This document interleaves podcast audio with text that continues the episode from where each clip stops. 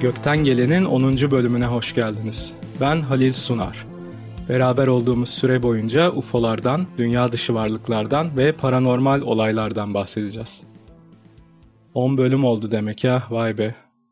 Zaman ne çabuk geçiyor değil mi? Eh nice 10 yayınlara diyelim o zaman. Bunu kutlamak için gidip kendime tatlı bir şeyler alacağım birazdan. Bir süredir yediklerime dikkat ediyorum ama arada bir yapılan kaçamaklardan da bir şey olmaz herhalde değil mi? Yine bölüme başlamadan önce sizlerden gelenlere bir göz atalım kısaca. Evet birkaç farklı kişiden görüntülü yayına geçip geçmeyeceğimi soranlar oldu görüntülü podcast'te. Ee, şimdilik böyle bir planım yok arkadaşlar. Bu şekilde yani radyo yayını tarzında devam etmeyi düşünüyorum şimdilik. Ama ileride abone sayımız daha da artarsa mesela işte işler büyür de programa konuk alma durumları vesaire olursa o zaman belki Zoom üzerinden ya da Skype üzerinden konuğumuzla beraber görüntülü bir yayın gerçekleştiririz. Hani o tarz durumlarda. Onun dışında şimdilik sadece sesli yayına devam etme düşüncesindeyim. Ki zaten görecek de çok bir şey yok açıkçası. Hani karşımda bir tane mikrofon var öyle konuşuyorum ben. Yani bir görsellik sunamam sizlere şimdilik. Siz anlattıklarıma odaklanın. Daha sonra bakarız artık dediğim gibi. Evet bir dinleyicimizden bir mesaj geldi. Biraz can sıkıcı bir mesaj aslında. Demiş ki kendisi niye Anunnakilere tanrı diyorsun onlar bizim tanrımız değildir falan demiş. Böyle dini duyar kasmış bana falan mesajda. Arkadaşım yani kusura bakma da sen podcast'i tam olarak nasıl dinliyorsun anlamadım açıkçası. Ben hiçbir bölümde Anunnakiler bizim tanrımızdır falan demedim ki. Hatta tam tersine dinleyicilerimiz de hatırlayacaktır. Ben bu varlıkların Nibiru gezegeninden gelen bir uzaylı ırk olduğunu ve binlerce yıl boyunca insanlara hükmettiklerini, insanlar üzerinde tanrıcılık oynadıklarını söyledim. Bazı bölümlerde bunlara Anunnaki tanrılar dememin sebebi o zamanki yani antik dönemdeki insanların bu varlıkları tanrı zannetmelerinden kaynaklanıyor. Ben onlara tanrı demiyorum yani senin anlayacağın şekilde söyleyeyim.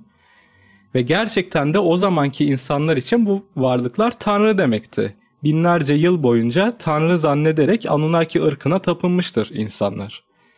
Ben de aynı bu şekilde izah ettim yayınlarda. Hiçbir zaman ağzımdan Anunnakiler bizim tanrımızdır gibi bir laf çıkmadı. Lütfen yorum yapmadan önce iyice dinle anlattıklarımı sonra yorum yap. Veya yapma yani orası sana kalmış. Ama böyle yarım yamalak dinleyerek ya da hiç dinlemeyerek sırf konuşmuş olmak için, sataşmış olmak için böyle suçlamalarla geleceksen yani hiç dinleme yayınları. Bence o da sana tavsiyem olsun. Tekrar söylüyorum benim bu konudaki şahsi fikrim bu varlıkların birçoğu bize karşı olumlu bir tavırları yoktur, olmayacaktır da. Bugüne kadar incelediğimiz, bahsettiğimiz ırklardan hiçbiri insanlara yardım amaçlı burada bulunmamışlar çünkü. Ya Anunnakiler ve Reptilianlar gibi bizi ve kaynaklarımızı sömürmüşler ya da griler ve insektoidler gibi vücutlarımızı laboratuvardaki birer denek gibi kullanarak üzerimizde biyolojik testler yapmışlar. Ve aynı bizim hoş görün şimdi ama aynı bizim hayvanlara yaptığımız gibi derimizin altına verici cihazlar yerleştirmişler. O yüzden YouTube'da vesaire bu varlıklardan uzaylı dostlarımız diye bahseden bazı araştırmacı arkadaşlara katılmadığımı belirtmek istiyorum. Dostumuz falan değil bunlar arkadaşlar. Bilinen ırklardan insanlara olumlu yaklaşan sadece Pleiadian ırkı var. Ama onlar da sadece rüyalarımıza girip nasihat vermekten öteye geçmiyorlar maalesef. Biz kendimizle baş başayız anlayacağınız. Kendi kaderimizi kendimizin belirlemesi gerekiyor. İşte uzaylılar gelecek bizi kurtaracak fikri falan çok yanlış bir fikirdir. Bu varlıkların bizi kurtarmak gibi bir dertleri yok. Onu söyleyeyim. Birçoğu zaten binlerce yıldır buradalar. Yeni gelmediler dünyaya. Yani kurtarmak isteseler zaten çoktan kurtarırlardı. Evet son olarak bir dinleyicimiz Göbekli Tepe hakkında bir bölüm yayınlayacak mısınız diye sormuş. yayınlamayı planlıyorum arkadaşlar. Bilmeyenler için söyleyelim. Göbekli Tepe Şanlıurfa'da bulunmuş olan ve karbon tarihleme deneylerine göre en az 11 bin ile 12 bin yıl öncesine ait olan bir yerleşim birimi Şanlıurfa'da. Burada oldukça enteresan kalıntılar bulundu. Buranın bulunması aynı zamanda bize öğretilen tarihin de yanlış olduğunu ve insanlık tarihinin sanılandan çok daha eski olduğunu ortaya çıkardı aslında. Dolayısıyla evet önemli bir konu ve Göbekli Tepe ve Karahan Tepe iki tane var. Bunlarla alakalı da bir bölümümüz olacak ilerleyen zamanlarda. Bugünkü soru cevap kısmını da bu şekilde tamamlayalım ve konumuza başlayalım. Bentwaters vakası. İngiltere'nin Roswell'i de deniyor aynı zamanda bu olaya. Bentwaters hadisesi Aralık 1980 tarihinde İngiltere'nin Suffolk kentinde bulunan ve Amerika Birleşik Devletleri'ne ait olan Bentwaters askeri üssü ve üssün yakınında bulunan Rendlesham ormanında gerçekleşmiştir. Bu olay en iyi belgelenmiş UFO vakalarından biri olup görgü tanığı olan yaklaşık 60 askerin yanı sıra bizzat üst komutanı Yarbay Charles Holt'un UFO'ların indiği yere doğru yaklaşırken kaydettiği ses kayıtları da bulunmaktadır. Bentwaters vakası 26 Aralık ve 28 Aralık olmak üzere iki kez tekrarlanan bir olaydır. İlk karşılaşma 26 Aralık 1980 gecesinde yaşanmıştır. İki nöbetçi asker gece saatlerinde üssün Rendlesham ormanına bakan doğu kapısında nöbet tuttukları esnada ormanın üzerinde sürekli renk değiştiren bir ışık görürler. Askerler ilk bakışta bunu bir uçak zannetseler de birkaç saniye sonra bu ışığın sağa sola yukarı ve aşağı keskin manevralar yaptıktan sonra havada birkaç parçaya ayrıldığını ve sonra bu parçaların yeniden birleştiğini görürler. Neye şahit olduklarını anlayamayan nöbetçi askerler derhal üst merkeziyle telsiz bağlantısı kurarlar. Askerler olayda bir gariplik olduğunu fark etseler de prosedür gereği bunun bir uçak kazası olabileceği yönünde Bentwaters merkezine bilgi verirler. O zamanlar İngiltere ile yapılan anlaşma gereği üstteki Amerikan askerlerinin üssün dışındaki olaylara müdahale etmesi yasak olsa da oldukça yakın bir bölgede uçak kazası olduğu söylenerek İngiliz yetkililerden izin alınmıştır. Başçavuş Jim Peniston yanında 4 kişilik bir ekiple kontrol etmesi için orman yönüne doğru gönderilir. Askeri araca binen ekip ormana doğru yaklaştıklarında bu garip ışıkların sabit olmadıklarını, ormanın içinde yavaş bir şekilde ileri geri hareket ettiğini görürler. Orman sınırına geldiklerinde araçtan inen ekip ağaçların arasından ilerleyerek ışıkların geldiği bölgeye doğru yaklaşırlar. O yıllarda Batı ülkeleri ve Sovyetler Birliği arasındaki soğuk savaş devam ettiği için Başçavuş Jim Peniston bunun Amerikan üssünü gözlemlemek için Ruslar tarafından gönderilmiş bir araç olabileceği ihtimalini de göz önüne alarak silahını çeker ve ışığa doğru yaklaşmaya başlar. Hem başçavuş hem de yanında bulunan diğer askerler başlarından geçenleri anlatırken olay yerine doğru yaklaştıkça sanki suyun üzerinde yürüyormuş gibi hissettiklerini, hareketlerinin ağırlaşmaya başladığını ve zamanın yavaşladığını söylemişlerdir. Gerçekten de bu olay esnasında zaman kayması olmuştur. Öyle ki ekibin anlattığına göre 2-3 dakika süren bu karşılaşma gerçekte tam 45 dakika sürmüştür. Askerler ışığın kaynağına 15-20 metre kadar yaklaştıklarında bunun bir uçak kazası olmadığını anlarlar. Karşılarında duran ve orman zeminine iniş yapmış olan bu araç yaklaşık 10 metre çapında ve 3 köşeli bir piramite benzeyen yapıya sahip olan siyah renkli bir UFO'dur. İnişin etkisiyle aracın çevresindeki ağaçların dallarının kırıldığı, bazı ağaçların ise olduğu gibi yan yattıkları görülmüştür. Aracın yanına geldiklerinde dışarısında görünürde kimse yoktur. Peniston aracın dış yüzeyini eller ve oldukça sıcak olduğunu fark eder. Siyah renkteki bu UFO'yu ellediğinde yüzeyinin metalden çok cama benzer bir hissiyatının olduğunu belirtmiştir. Bununla birlikte piramit şeklindeki bu aracın üç tarafında da hieroglif benzeri bilinmeyen bir dilde yazılmış olan bir takım semboller ve sürekli renk değiştiren ışıklar bulunmaktadır. Jim Peniston aracı incelediği sırada telepatik olarak beyninin içerisinde bir ses duyar. İki gün sonra tekrar geleceğiz. Korku içerisindeki Peniston bunun üzerine yüksek bir sesle kimsiniz diye sorar. Ve beynindeki ses cevap verir. Bizler sizleriz. Bu konuşmanın ardından UFO çok yüksek bir hızla gökyüzüne yükselir ve 2-3 saniye içerisinde gözden kaybolur. Başçavuş Jim Peniston ve ekibi üsse geri dönerler. Ve o dönemde üssün komutanı olan Yarbay Charles Holt'a bütün yaşadıklarını anlatırlar. Ertesi günün sabahında yani 27 Aralık günü olay bölgesine tekrar bir askeri ekip gönderilir.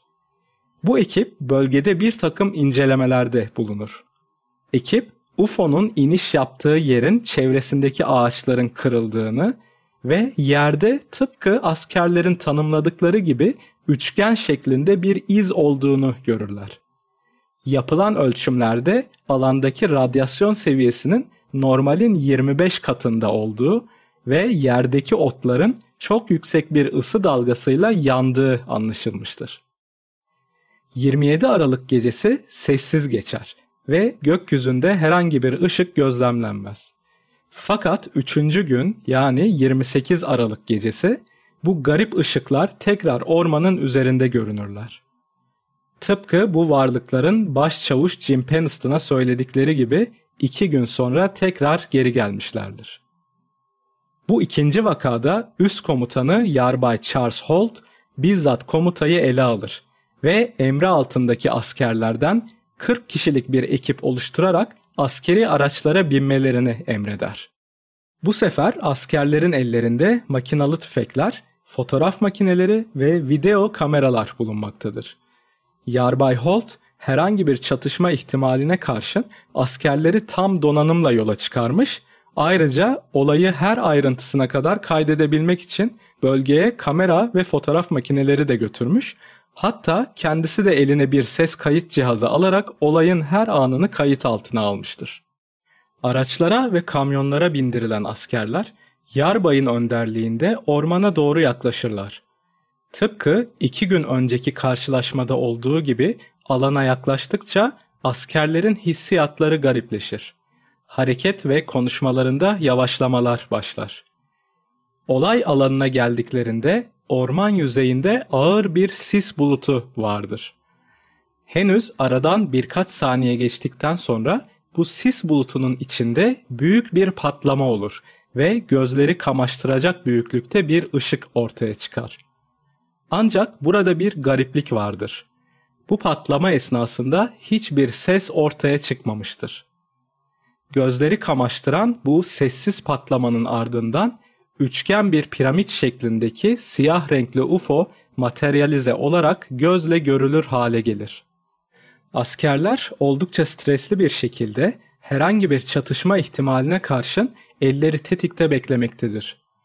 Bu sırada UFO'nun askerlere dönük olan sağ tarafında maviye çalan altın sarısı renginde bir ışık huzmesi oluşur. Işık huzmesi yavaş bir şekilde üç parçaya bölünür ve bölünen her bir parçanın içerisinde birer insansı varlık gözle görülür hale gelmeye başlar. Yaklaşık 1.20-1.30 boylarındaki bu varlıkların sadece belden yukarıları görünmekte, belden aşağıları ise ışık huzmesinin içinde kalmaktadır.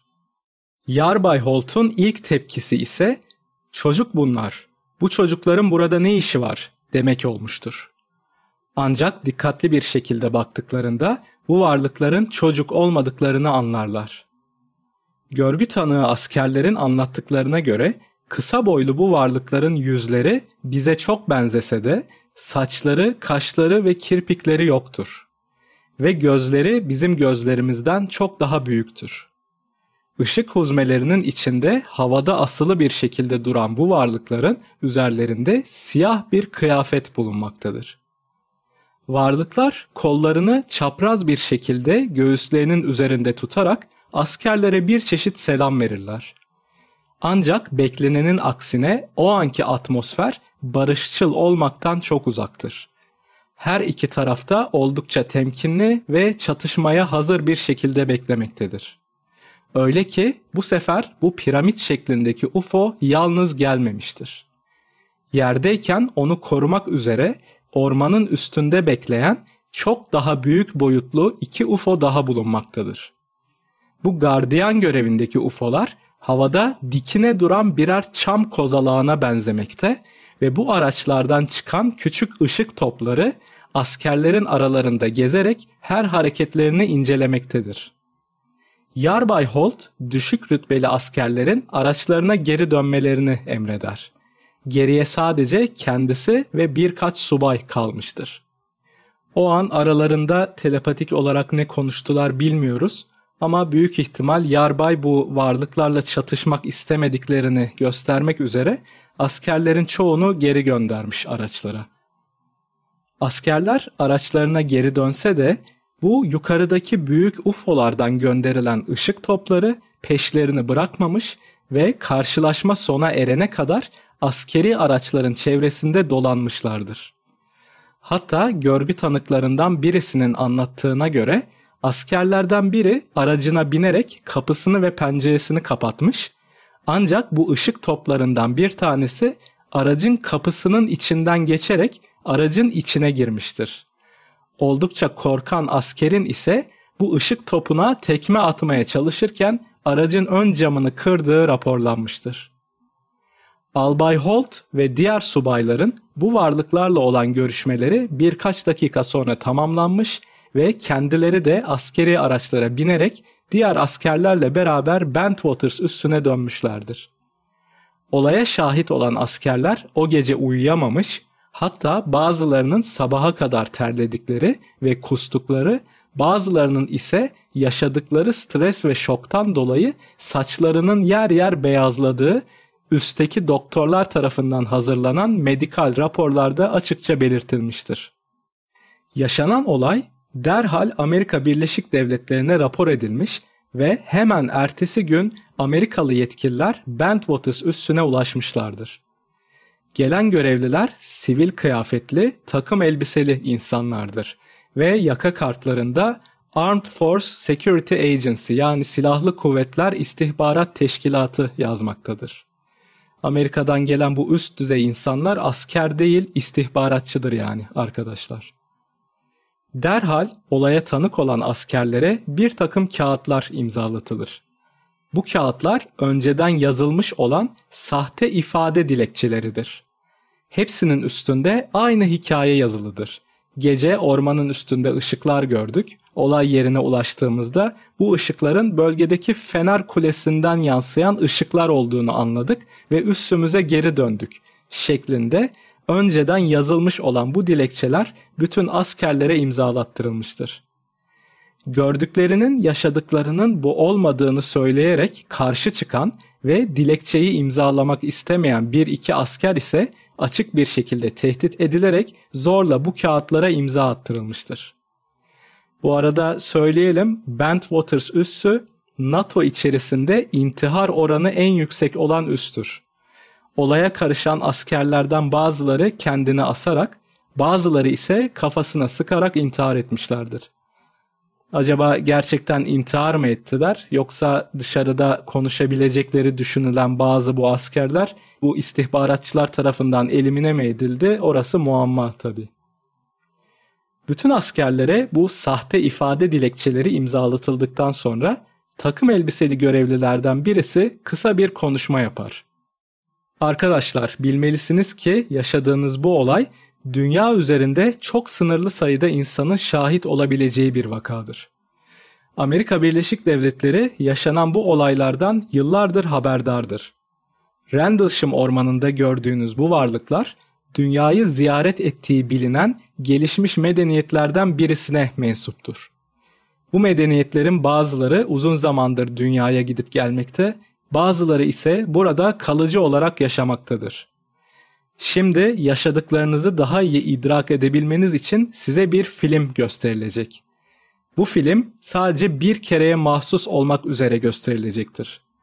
Sizlere tavsiyemiz filmin ardından normal günlük yaşantınıza dönmeniz ve bu yaşananları unutmanızdır. Bu vakalar ulusal güvenlik kapsamındadır ve bundan sonra kendi aranızda bile bu konuları konuşmamanız ve bir şey olmamış gibi günlük hayatlarınıza devam etmeniz hem askeri kariyeriniz açısından hem de sivil hayatınızda bazı sıkıntılarla karşılaşmamanız açısından sizler için en doğru seçim olacaktır. Konuşmanın ardından askerlere kısa bir film izletilir.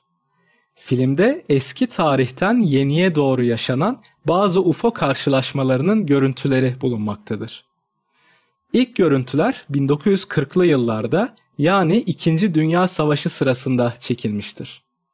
Bir B-29 bombardıman uçağı seyir halindeyken altında onunla birlikte uçan bir uçan daire filosu görülmektedir. İkinci görüntü ise Kore Savaşı sırasında çekilmiştir. Bu görüntüde Rus yapımı bir MiG savaş uçağının yanından bir UFO geçmekte ve bunun ardından uçak dönerek yere çakılmaktadır. UFO'yu gören askerlerin ise panik içerisinde kaçıştıkları bu görüntülerde açıkça görülmektedir. Gösterilen üçüncü görüntü 60'lı yıllarda çekilmiştir ve Vietnam Savaşı'nı göstermektedir. Bu görüntülerde yüksek bir tepede bulunan Amerikan askerleri ellerindeki kamerayla aşağıdaki bir vadiyi görüntülerken devasa büyüklükte ve delta şeklindeki bir UFO'nun vadideki toprağın altından yavaş yavaş yeryüzüne çıktığı ve daha sonra yükselmeye devam ederek askerlerle aynı hizaya geldiği görülmektedir. Bu UFO o kadar büyüktür ki yükselirken hala üzerinden toprak parçaları dökülmekte ve altından bir kuş sürüsü geçmektedir.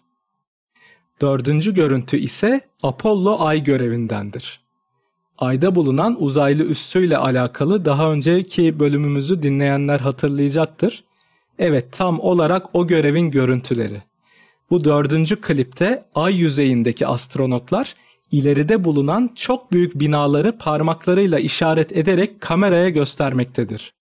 Ayrıca üzerinde parlak kırmızı ışıklar bulunan yüzlerce metre büyüklüğündeki UFO'ların kraterlerden havalanarak astronotların olduğu noktaya yaklaştıkları görüntülerde gayet net bir şekilde görülmektedir. Ay ile ilgili bölümümüzden hatırlarsınız Neil Armstrong'la merkez arasında 2 dakikalık kayıp konuşma var. İçeriği yıllar sonra ortaya çıkmıştır bu konuşmanın. Orada Neil Armstrong telsiz kanalı üzerinden merkeze ziyaretçilerimiz var. Çok büyük gemiler bizi izliyor şu an ellerim titriyor hiçbir şey yapamıyorum şeklinde mesaj göndermiştir. Apollo 11 görevi sırasında yaşanan bu olay yıllar sonra Bentwaters olayında askerlere izletilen bu görüntüler sayesinde de tamamen farklı bir kaynak tarafından da doğrulanmış oluyor böylece. Ay görevinin görüntülerinden sonra film sona erer. Olaya karışan askerler emekli olana kadar sıkı bir denetim içerisinde yaşarlar. Ev telefonları dahil 24 saat boyunca dinlenmiş ve şehir dışına çıkacakları zamanlarda bile yalnız bırakılmamışlar ve yanlarında her zaman bir istihbarat personeliyle birlikte seyahat etmişlerdir. Bu istihbaratçıların görevi bu askerleri korumak değil, eğer düşman bir ülkenin eline geçerlerse konuşmamaları için kafalarına sıkıp öldürmektir. Aradan geçen yaklaşık 20 yılın ardından üstteki askerlerden Yarbay Charles Holt, Başçavuş Jim Peniston, Er Larry Warren ve Er John Burroughs yaşadıklarını kamuoyuyla paylaşmışlar ve ellerinden geldiğince bu olayı insanlara aktarmaya çalışmışlardır. Ancak maalesef ki kendilerine imzalatılan ifade dilekçeleri nedeniyle olayın üstü örtülmüş ve Bentwaters dosyası içlerinde bir adet yarbayın da bulunduğu 60 tane profesyonel askerin deniz feneri ışıklarını UFO zannettikleri gibi komik ve bir o kadar da üzücü bir açıklamayla Amerikan ve İngiliz hükümetleri tarafından kapatılmıştır. Evet, o yüzden her zaman söylüyoruz NASA'dan ve hükümetlerden bu konuda herhangi bir açıklama beklemeyin arkadaşlar. UFO vakalarının üzerindeki gizlilik Amerika'yı aşarak diğer bütün ülkelere de sıçramış gördüğünüz gibi.